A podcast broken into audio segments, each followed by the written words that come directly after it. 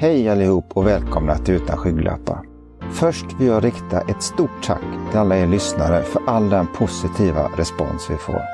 Det värmer ska du veta.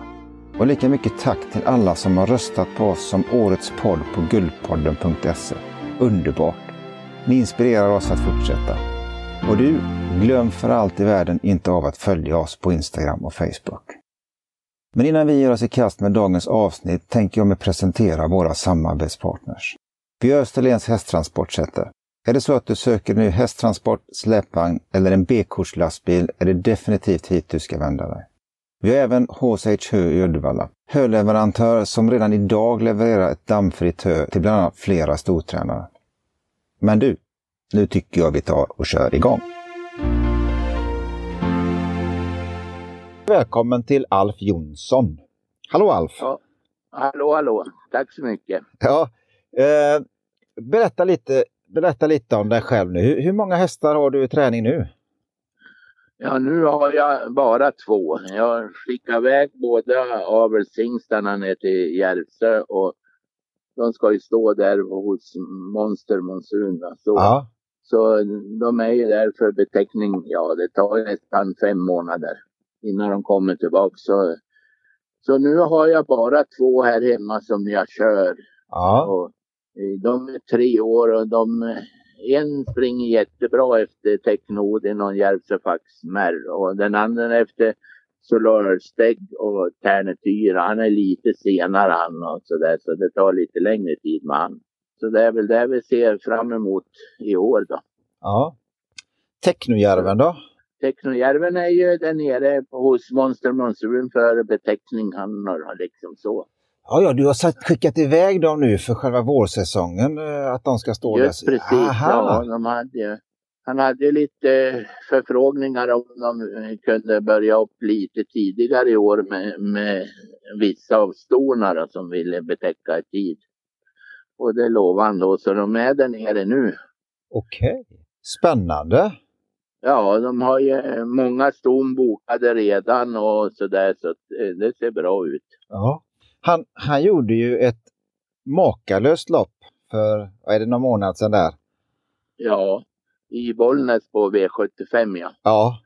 Det var 2600 meter. Han hade ju spår 4 tror jag, men han gick ju felfritt och, och så där första 200 och sen hoppade han, galopperade och så han var Ja.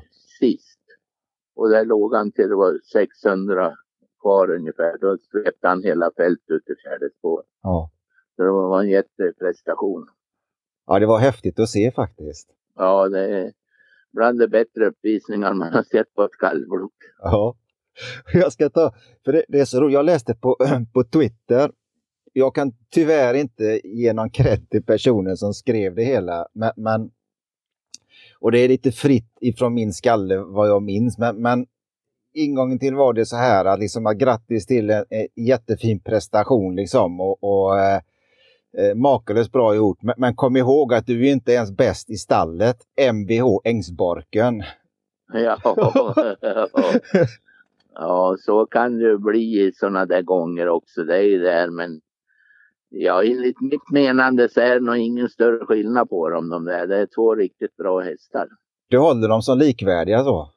Ja, hittills är de det. Han är kanske lite starkare Technojärven i hjärta lönger men eh, Ängsborken har ju värre fart på en kortare bit. Så. Ja. Så, så är skillnaden på dem nu. Sen får vi se om järven hinner i han, men det vet man aldrig. Nej. Men det måste, måste vara en, en, en fantastisk känsla att, ha två sådana stjärnhästar i, i stallet. Och kunna matcha, Ja. matcha mot varandra eller så liksom i träningen. Ja, det är det som är bra. Och, och det bästa med de här två, det tycker jag de är så enkla. Alltså balanseringsmässigt allting. Det var fyra vanliga skor och de bara trava. Ja. Det är det som är så roligt mot vad en annan har upplevt i sina dagar så. Ja. När vi börjar med nordsvenskarna, det är ju inte samma ras ens nu. Nej. Du, du sa det lite när vi pratade tidigare, just det här att du, du benämnde det som nordsvenskar för och kallblod nu. Ja precis, så är det ju vet du. Det är, det, är en markant skillnad alltså. Är, Jag hade ju allt som fanns på dem på fötterna förr, ja. nordsvenskarna. Och nu på de här kallblodarna behöver man nästan ingenting. De är lika bra barfot om man törs. Ja, det är häftigt. Ja, det är, det är roligt för en annan en som har fått vara med och känt skillnad på dem. Ja. Alltså, när jag började på 60-talet, vilken skillnad det är på de här som är nu på 2020. Ja, det, det, är ju en, det är ju en makalös resa de här 60 åren i, i kallblodens utveckling som du har fått vara med om. Ja, för, för min del är det nästan ofattbart. Alltså man förstår inte hur, hur en ras kan ändra sig på bara de här åren. Det är klart det är många år men det är ju lite generationsskiften hela tiden. Ja. Så det blir ju bättre och bättre och snabbare och snabbare. Och just travsäkrare. Ja men absolut så är det ju. Och det blir i och med det de inte springer och slår sig så mycket eller någonting. Det händer inget, de bara travar. Ja. De, det har ju blivit den, den rasen nu så att säga. Om vi, om vi går tillbaka till, till början då Alf, om man säger. Hur, hur kom det sig? Växte du upp på en gård? Eh, eller hur, hur kom du in på det här med ja. Häst? Ja, min pappa då, jag växte upp på, på landet riktigt ja. Och ja. min pappa hade travhästar på den tiden. Och till och med han hade två varmblod också. Och så hade han ju nordsvenskarna. Ja. Och så där. Så att det är därför jag började tycka om dem. Och jag brukar säga det, då fanns det inga barnvakter på dagarna eller något sånt där. Utan jag fick sitta i pappas knä jag och lära mig att köra häst när jag var två år. Liksom. Började då, satt där och körde. Okej, så du fick följa ja. med redan från start? Ja, det var ju så. Jag, mamma var ju mycket i ladugården och höll på med korna och grisarna och det vi hade. Men så fort jag kunde gå därifrån ladugården då gick jag in till hästarna och sen vart jag där. Okej. Okay. Du sa pappa det med varmblod. Det var liksom ingenting för dig eller? Ja, men så, men, men det vart ju mer och mer att vi övergick till, till nordsvenskarna som det hette på den tiden. Ja. För det, det var ju ja, lite lättare att träna nordsvenskar på landet mot varmblodna tyckte man behövde köra mera fort med grejer som det verkar på den tiden och det. Ja. Utan det gick lättare att träna nordsvenskar då. Trots att det var mer galopper och sånt över det och krävde mer, krävdes ja. mer kunskap? Ja, men träningen alltså var liksom lite tyngre och man körde liksom längre med dem och mot varmblodna och sådär. Sen fick man ju lära sig att balansera eh, nordsvenskarna som det hette då. då. Så de fordrar mycket balans. Visst. Ja, och det, det är ju någonting som där jag har hört eh, att du är en mästare på just den här biten. Att, att balansera och se hästarna? Ja, men det är klart, har man hållit på så länge och sett så mycket trav och kört så mycket så man vet ju ungefär vad som fungerar och allting och sånt där. Så man har ju provat det mesta i alla fall. Inte allt, men det mesta. Ja. Att, och då var det ju mycket problem på den tiden. Nu är det ju snart sagt inga problem. Det är ju bara att åka. Behöver knappt någon käk, de bara springer och allting sånt där. Både varmblod och kallblod. Ja. Så det är skillnad. Hur var det då på 60-talet när, när du började? Var, liksom var, eh, hur, eh, hur många hästar hade du när du började? Hade ni liksom när du tog vid och började köra?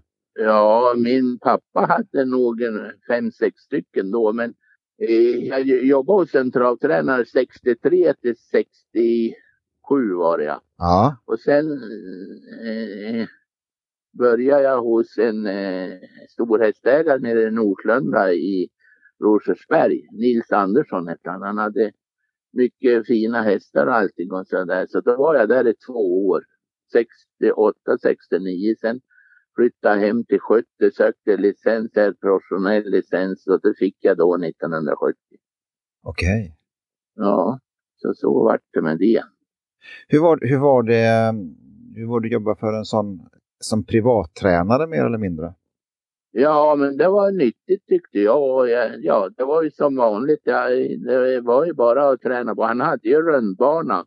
Och så sen körde vi i grustäkterna där då som de tog med allt materialet bort till Arlanda. okay. på flygplatsen. Så det var ju så. Så det vart bättre och bättre att träna där också i grussanden. Så det var lite sandträning redan på den tiden? Ja, jag var ju uppväxt med det lite för far min då. Han körde ganska tungrockad och tungt i sanden. Och, och de var ju starka men de hade inga stora farter de där kallbloden i alla fall. Nej. Och inte varmblodna heller för det var fel träning har man liksom kommit på. Sen det går inte bara att köra tungt med dem. De måste ju ha lite fart också. Just. Vad finns det, när, du, när du tittar tillbaka så här på den tiden, finns det någonting särskilt som du kommer ihåg? Alltså första segern, eh, något sånt där minne som du har? Ja, det gör man väl sådär. Och, och det var ju 1966 jag vann med en som hette Skanskutten då. Det kommer jag ihåg. Det var en svår häst. Han gick på armbågarna och okay. började balans, sprang och slogs och grejer så. Okej. Okay. Ja. Så det kommer man ihåg. Och sånt. Körde du även hästar åt andra tränare eller var det främst åt era egna? Nej, mest egna. Jag körde ju åt amatörerna mycket då. Liksom. Det var ju mycket sånt här runt Bergsåker som jag körde då på 70-talet åt amatörer och hade bra framgångar med det. Ja. Visst. Hur funkade det på den tiden? Som nu har ju framförallt här runt omkring där jag är i Göteborg, då, då är ju inte så mycket på, på banan om man säger utan de allra flesta har sina träningsanläggningar mer eller mindre på gården och men var det mer stallbacken och det som var eller hade ni allting på eran gård och så åkte ni in ibland eller hur funkade det? Ja, amatörerna hade det. Sen var ju de professionella tränarna, de var in på banan och hade stall allihop. Vi hade väl säkert 10-12 stycken här inne på Bergsåker i alla fall och så som var tränare då. Ja. Som, som de anlitade mycket då, amatörerna också för det var ju bra ja, de fick ju bra hjälp för de flesta hade ju hållit på mycket av tränarna som var här. Ja. Så du hade också gård inne på, eller stall inne på, på Bergsåker? Ja, sen, sen 1970 har jag haft det där inne på Bergsåker. Jag har ja, mellan 15-20 boxar där då. Började du med liksom? Ja, jag började med 10 och det fylldes ju på fort. Och sen så ökade det ännu mer lite grann. Så jag köpte en gård uppe i Solum i Kovlan hette det. Ja. Och det är en ganska populär gård för där har det varit mycket travare. Efter sen jag sålde den, då sålde han till Svante Båt. Okej. Okay. Han var ju där också, Ulf Olsson också och tränade på de där barnen jag hade.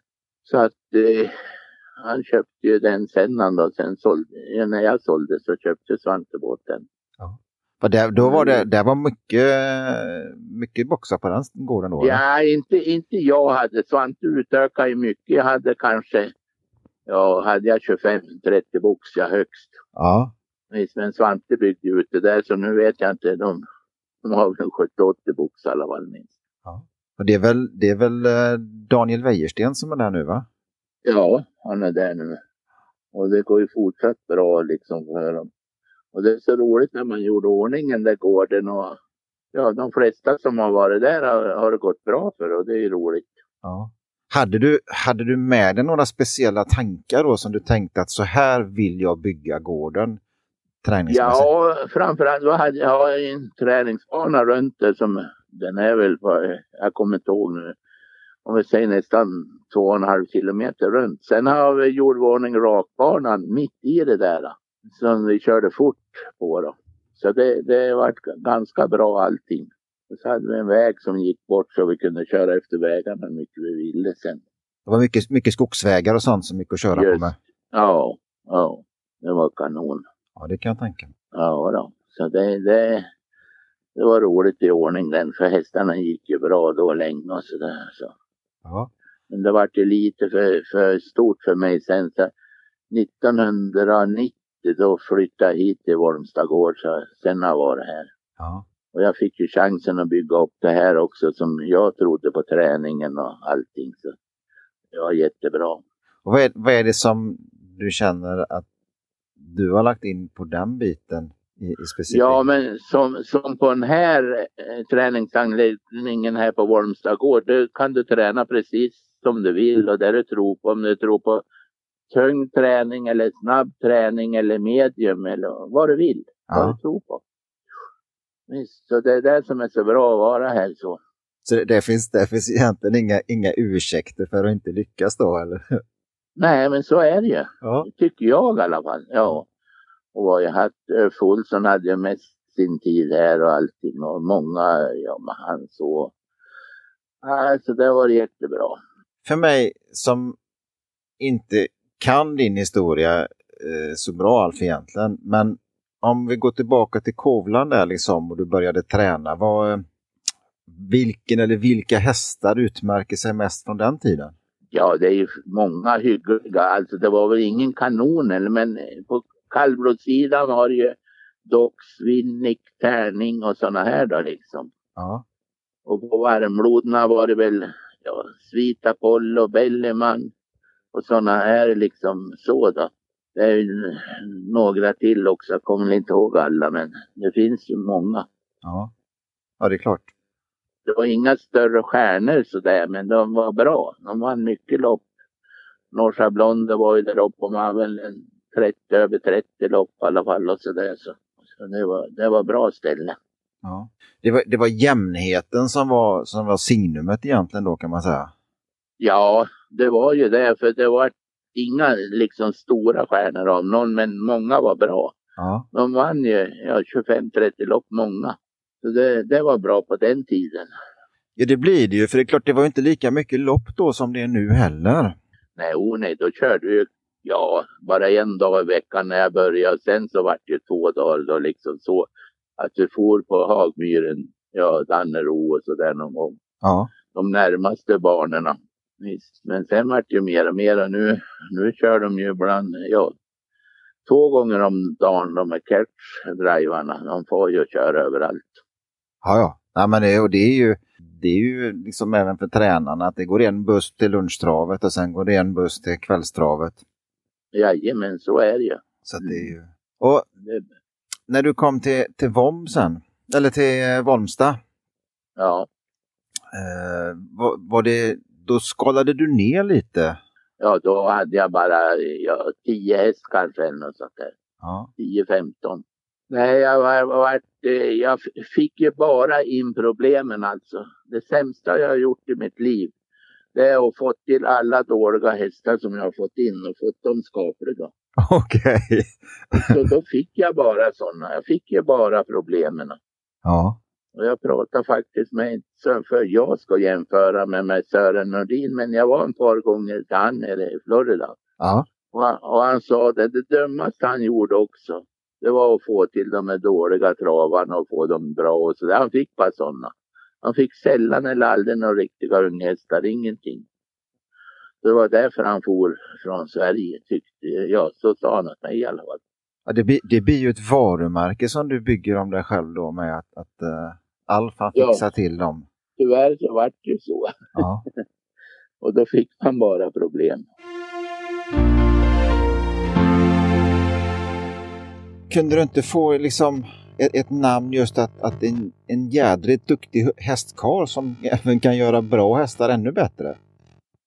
Jo, lite, men så var det inte. Utan jag fick, eller jag, de dåliga fick jag och ska göra dem bra. Okej. Så var det då. För, för de som gick hyggligt hos de andra tränarna och allting. Och de fick vara kvar. Ja. Det var sällan de flyttade dem sådär. Minst. Nej, det, Så det var det. och det, det är klart, har man väl fått sig ett, ett namn liksom att man är väldigt duktig på att kunna se och, och läsa av och, och så det är klart Ja. då, då eh, Då får man bara sådana. Ja. Tyvärr. Ja, precis. För det, det är klart, det, det finns ju en gräns med det. det Ja, men så är det ju.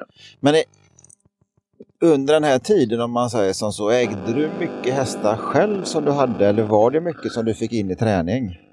Nästan ingen ägde. Jag fick dem i träning så. Okej.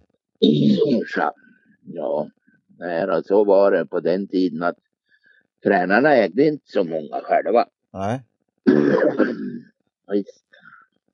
Men, men för det, det gör du ju nu. Ja, jag äger en del själv. Ja. Ja. Men det är ju för att man vill ha lugn och ro och allting och sånt där. Okej. Ja, Kunna styra lite mer själv. just precis. Ja. När, när, när började du liksom köpa in hästarna själv och hade du, hade du tanke då på liksom det här med uppfödning och kanske avel och sånt? Nej, man har ju inte så, alltså man har ju liksom en tävlingsverksamhet så. Ja, Och, och gården som vi har eller haft också, det är inga upp, uppfödargårdar så att säga. nej. Men det är klart eh, att det går. Men eh, nej, jag vill, vill ha, så vet man ju det ändå att det är så vanskligt att föda upp hästar för de kan ju komma ut lite krokig och sned och så man inte vill ha dem och det bara stå där och tacka och ta emot. Ja. Så det har jag inte gjort. Förlåt. Men när jag var i Norslanda, Rosersberg då, ho- hos där, då såg man, han hade ju 20 avelston och då såg man vad olika det var. Ja. En del gick ju jättebra och allting och sånt där och en del vart ingenting av så man såg ju olikheterna. ja. Och, och just de olikheterna, och när du, när du fick in de här hästarna i träning som, som inte gick riktigt om man säger så. Vad, vad, liksom, vad, vad kikade du på då? Ja, är ba- balansmässigt framför allt som det var. Hur de var skodda och allting sånt där. Det var ju mycket sånt. Ja, Och speciellt då kallbloderna, eller ja, nordsvenskarna som det hette då, de hade ju jätteproblem. Då. ja, Det var ju många som hade, de slogs överallt och grejade på och galopperade hur mycket som helst. Men vad, det var väl det så. hur, hur långt kunde man ta det där för att få, för att få bort att de slog sig? Och med, var det vinklingar i hov... Eh, Ja, ja absolut det. Och så eh, ja, balansmässigt tunga skor eller lätta skor, långa tår eller korta tår eller sådär då. Okej. Så var det ju hela tiden. Och det är lite lättare då för en, ja som det är nu då, även fast då jag hade hållit på mycket med hästarna från ja 65 någonting, 64. Till, till jag började, vi skötte det här som proffs då. Så jag hade provat mycket Ja. innan det. Mm. Hade en, en bra grund att stå på. Ja, det tycker jag. Ja. Och många problem som när jag jobbade åt Elis Skoglund i tre år var det väl där då. Han fick ju också mycket problem för han var ju duktig att ställa och greja och hålla på så. Det var lite samma. Ja. Visst. Så så var det. Ja. Mm. det, men det, det är sam, samtidigt så är det ju det är också den delen. Det är klart att, att när du är tävlingsinriktad och den vin i att det hade varit jädrigt kul att kanske fått in några riktiga, men, men du har ju också lärt Det var det man ville och det var det man trodde man skulle få. Ja. Men hur bra det än gick, vet jag, jag hade ju passerat tusen segrar, jag vid 90 någonting. Och inte få in några av världen då. Nej. Så det är det besvärligt. Ja. Och, och jag, har hållit på med, med olika sorter. Jag låg ju i lumpen i K4 Umeå så då hade vi halvblod där då vet du. Som vi red på grejer. Okej. Visst. Så där gick jag hovslagarutbildningen och lite tandvård och lite veterinärvård också. Så, så det var bra. Man fick lära sig lite. Och då fick du lite djupare kunskap, alltså eller bredare kunskap än vad många Det blir ju det genom, ja, man visste hur man skulle rida för att få starka och fina hästar och sådär. Ja. Så det är inte många, jag brukar ju vara på sån här, eh, hette där och ja, så, där vi samlas och träffas och träffar kan vi säga att det Ja. är då, med Sleipner och olika organisationer så. Ja. Men då, då säger jag det, jag, för det är ingen som tror, men jag har faktiskt pokaler både i dressyr och hoppning. Okej. Ja. Fast då brukar jag säga det, det var för 70 kilo. Precis. För vi fick ju inte väga då mer än 70 kilo. Och jag var 82 lång och vägde 68 kilo så att det är klart att då såg man lite annorlunda ut. Ja, precis. Ja, så var det. Men det, det, det misstänker jag, alltså det, och det berättade du indirekt, här, att den här kunskapen tog du också med dig in. Har du ridtränat hästar hela tiden? Ja, nästan ja, jämt. Jag har haft mycket flickor och de tyckte om att ridträna och det Ja. har varit bra. Ja. Visst. Så det är inte så mycket dressyr men alltså galoppträning och lite trav, ridning i trav, alltså monterridning fast då i backarna här och sådär. Det Ja. höll jag ju på med. Eller ja, det gjorde ju de flickorna mest. Så det, det är ganska bra att stärka upp dem på så vis. Att de får jobba med lite andra muskler än, än bara de som de har under själva travet. Ja men oh ja, mycket. Det blir helt annan belastning i en monté än en trav. Så, Ja. så är det. Och det kände du också och märkte också kanske just att du förändrade balanseringen på hästarna när de fick jobba. Ja. Ja men absolut, oh ja. Det var ju så. Eh, det, ja det är helt, liksom man måste ändra balans lite grann när det är trav och när det är monté. Alltså var det på den tiden i alla fall så. Ja. Den Milale som jag hade, han var ganska bra i monté men han fick ju aldrig starta för det var ju inte tillåtet då. Men han gick i alla fall 15 och 8 på 1600 meter på Bergsåker på den tiden alltså. Det Ja. var ju på 80-talet kanske, något sånt där. Nu då. ja. Visst. Men det var ju inga sådana lopp då. Så att han fick ju aldrig tjäna en krona montén. Nej, det, var det bara uppvisning då på den tiden? Ja, ja precis. Nej men det blir ju liksom så i montén också. De går ju lägre med huvudet och de slår sig mindre liksom och sådär. Breddar bättre bak och, och ja visst. Så det är bra. Bra komplement till den vanliga träningen. Absolut, ja men oh ja. Ja. Det tycker jag. Ja. Men då har du ju nu, om vi tittar på stallet idag, Ja, två stjärnhästar själv. ja. Vad, vad, vad tänker du när du kommer ut liksom och du sitter där och, och kör och filosoferar lite? Ja, vad man tänker på att, för, att man måste vara jättegammal när en, ras, när en ras kan förändras så mycket på de åren jag levt. För det är inte samma, alltså det säger jag ärligt, det är inte samma ras som jag började med. Nej. Fast det, det förstår de ju inte för det är ju nästan bara jag kvar som har hållit på så här länge med dem. De känner ju inte skillnad. Ja, men det, egentligen också, alltså det hade väl varit skam om inte vi hade haft någon utveckling i aveln på, på, på 60 år, eller? Ja, ja men precis. Absolut är det så. Men, men eh, det, det blir alltid så att den förädlas stammen alltihop. Ja. Alltså. Det blir ju bättre och bättre. Det är så med, med vilka djur och folk som helst. Det är så. Ja, och till och med jag som, som inte är inne i kallblod, om man säger, jag tycker ju att jag sett en jätteskillnad bara på de senaste 5, 6, 7 åren på i hur, hur de är kroppade och hur de rör sig. Ja men oh ja. Ja då. Så är det ju och då ska du tänka dig ja, ytterligare 50 år tillbaka. Ja, precis. precis. Hur de såg ut då. Men det fanns ju undantagen då, men det var ju inte rätt stammade. De hade väl lite varmblod i sig då. Okej, Så de fick inte fortsätta. Nähä, det var lite sån småfusk. Ja, visst. Ja. Så var det då. Visst. Ja, vad gör man inte typ? Ja, men det var ju så. Fra... Men när det var de kunde blodgruppera och grejer, sen var det stopp. Ja. Tog de ju bara ett blodprov på dem och sen ja, vart de utslagen. Ja. Visst. Så så var det på den tiden. Ja. Hallå? ja. Ja, nu hördes det bra.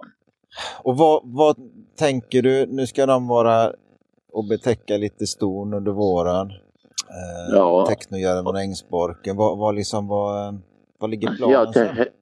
Ja, men vi tränar upp dem och startar dem och grejar och får se hur det blir nästa år då. Så att de, eh, ja, bör på, starta på augusti, september någon gång då. Ja. Visst, det så är tanken. Finns, finns det några, några drömmar om man säger med, med är det Elitkampen? Eller vad tänker du? Ja, men i så fall så är ju det en som Ängsborken för, för Järven är nog lite för hetsig och han är inte snabb nog än. Men Ängsborken han kan ju gå en 15-16 en bit han liksom så. Ja. Men inte järven än eller? Inte än, nej. Nej, det, det, vi får väl hoppas på det längre fram. Måste, måste ju ändå kännas fantastiskt att ha två hästar som man kan prata om Elitkampen och det känns Ja, helt det- naturligt, eller hur? Ja, men det är ju jättekul. Det, då, då har man ju någonting att se fram emot. Det är Ja. det som en annan nu, man måste ju ha någonting att se fram emot.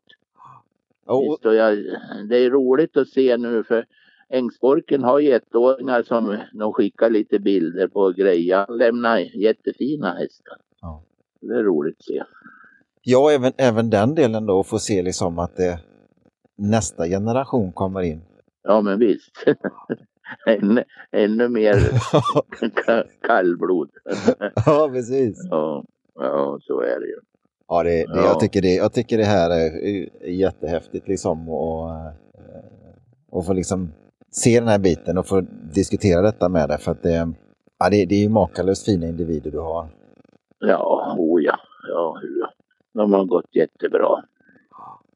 Och Ja, mamma åt dem. Hon var ju svensk rekordhållare flera gånger om. Så det är också bra. Det är, det. det är bak från den stammen. Och jag har ju hållit på med den där stammen i ja, 30 år i alla fall minst. okej. Så du har själv liksom matat in generation för generation för att, för att liksom hamna där du är just nu?